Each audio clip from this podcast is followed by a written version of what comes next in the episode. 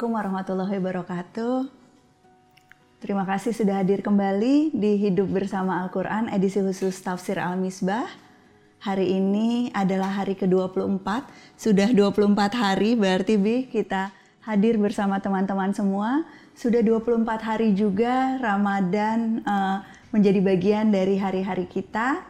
Dan uh, hari ini kita akan uh, menutup uraian tentang surah Al-Waqiah. Kita akan membahas ayat ke-77 sampai dengan ayat ke-96 yang menjadi ayat terakhir dari surah ini.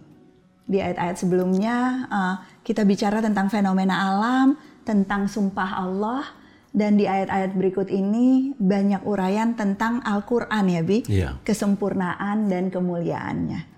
Mari kita dengarkan penjelasan Abi. Silakan Abi. Baik. A'udzubillahiminasyaitonirrajim. Bismillahirrahmanirrahim.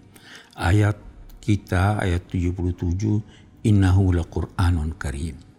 Eh, kemarin waktu kita jelaskan tentang sumpah Allah, eh, eh, penafsiran kita kita kaitkan dengan ayat-ayat yang lalu. Betul. Bahwa ini bukti-bukti kuasa Allah, bukti-bukti tentang eh, keniscayaan hari kemudian itu sudah cukup. Tapi kalau perlu ini bersumpah lagi, tapi saya tidak bersumpah, bersumpah untuk menunjukkan kepastian hal-hal tersebut. Betul. Nah, ada juga yang menjadikan ayat yang lalu itu tentang sumpah Allah berkaitan dengan ayat sesudahnya, yakni berkaitan dengan innahu laqur'anun karim. Saya bersumpah atau saya tidak bersumpah itu kemarin, Kemarin ada, ya. ada dua interpretasi ya, Bersumpah dengan tempat tenggelam dan terbitnya bintang-bintang atau eh, bersumpah dengan bintang-bintang yang akan hancur di hari kemudian. Betul. Saya bersumpah dengan itu bahwa sesungguhnya apa yang tercantum dan diuraikan ini itu terdapat di dalam Al-Quran dan sesungguhnya Quran itu adalah bacaan sempurna yang mulia. Nah, kita lihat sekarang Quran. Habis sering berkata, an selalu menunjukkan kesempurnaan. Ya toh? Jadi Quran dari kata qara'a berarti Bacaan. membaca. Quran ini punya banyak makna, punya banyak eh, nama. Setiap nama memberi kesan tentang fungsinya. Dia dinamai Quran karena dia mestinya dibaca.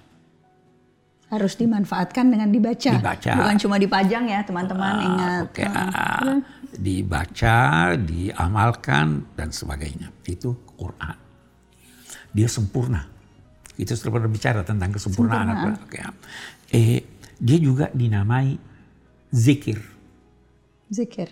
karena dia memberi peringatan. Dia juga dinamai Al-Furqan karena dia membe- dia memberi petunjuk yang membedakan antara yang benar dan hak. Dia juga kitab yang terhimpun dalam dada orang-orang beriman dan terhimpun dalam kertas-kertas ini. Ya toh, innahu kitab. Sifatnya karim. Karim itu adalah sesuatu yang baik, yang sempurna sesuai objek yang disifati. Kita ambil Quran. Eh, ada yang menurunkan, ada yang mengantar, ada yang menerima, ada waktunya, ya toh, eh, ada kandungannya. Kita lihat sekarang. Yang menurunkan Karim. Allah yang maha mulia, yang maha kita pernah terangkan Kita apa terangkan di surah Ar-Rahman teman-teman Ah, waktu ya. itu. Eh, yang mengantarnya malaikat Jibril. Yang luar Karim. biasa. Yang menerimanya Rasulullah. Manusia Karim. yang sangat karim. Nah, eh, waktu turunnya Karim. Karim, Lailatul Qadar. Ya toh? Eh, kandungannya Karim. Semua yang berkaitan dengan Al-Quran itu Karim. Sehingga yang mempelajarinya khairukum man ta'allama al-Quran wa 'allamahu. Yang mengajarnya Karim, itulah yang terbaik. Dan yang belajar Al-Quran itulah yang terbaik. Jadi Quranun Karim ini bacaan yang terbaik dari segala aspeknya. Dan ini yang menyebabkan Quran kemudian punya kedudukan yang sangat istimewa. Sangat istimewa. Sangat istimewa. Nah, salah satu yang diterangkan di sini bahwa fi kitabim maknun. Dia tercantum di suatu kitab yang terpelihara. Terpelihara. Oke, kita lihat sekarang terpelihara.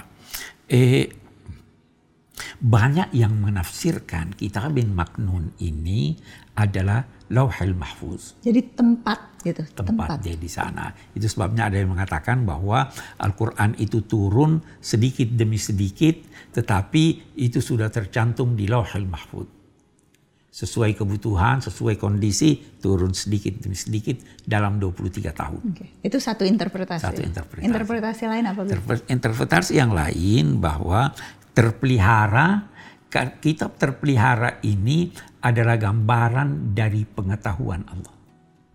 Jadi Allah maha mengetahui sifat-sifatnya antara lain kalamnya ini di dalam ini.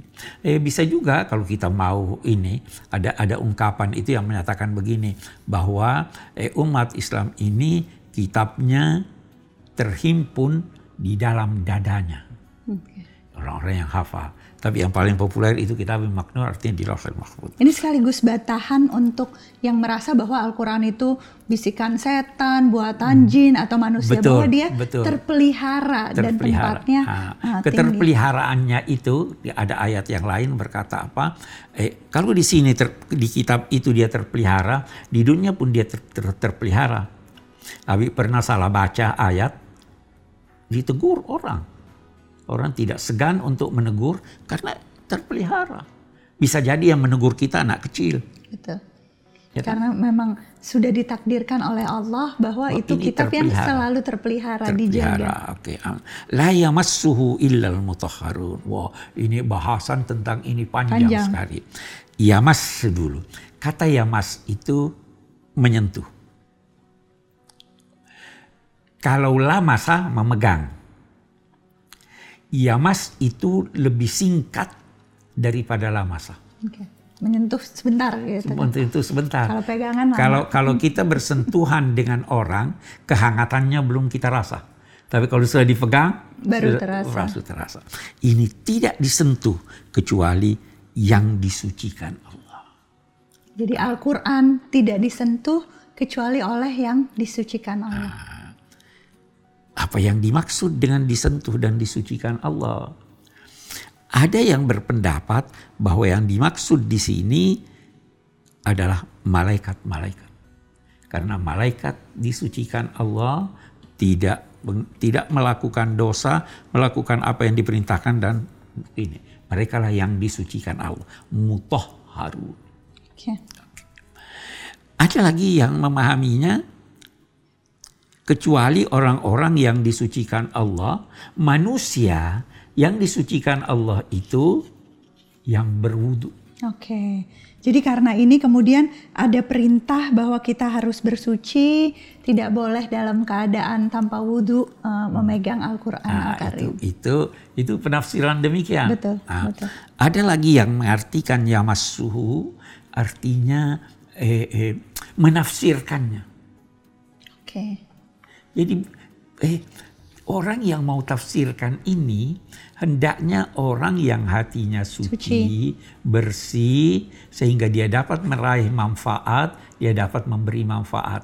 Nah, ada kelompok Syiah itu hmm. mengartikan mutahharun alul bait. Karena katanya inna ma yuridullahu liyuzhiba ankum rijsa ahlal bait wa yutahhiruhum tathira. Allah hendak mensucikan kamu dan membersihkan kamu sebersih-bersihnya. Okay. Nah, jadi banyak. Yang penting, kami mau ingin berkata begini. Ada ulama yang tidak menjadikan ayat ini sebagai argumentasi bahwa Al-Quran harus, di, harus yang memegangnya harus suci. Ada nah, perbedaan pendapat. Perbedaan pendapat. Tetapi ada yang disepakati. Yaitu? Bahwa Al-Quran ini harus diagungkan, harus dihormati. Okay. Jadi seandainya pun tidak tidak eh, tidak bersuci, semua sepakat dia harus dihormati. Al-Quran harus dihormati, nah. dia begitu mulia dan istimewa, bersumber dari Rob al-Alamin yang uh, membuat kita seharusnya menyambut kitab suci ini dengan uh, gembira dan selalu mencoba menarik pelajaran daripadanya. Pasti masih banyak pertanyaan lanjutan, jangan ke mana-mana teman-teman. Kita akan uh, tuntaskan pembahasan-pembahasan tentang kelompok terakhir dari Quran Surah Al-Waqi'ah sesaat lagi.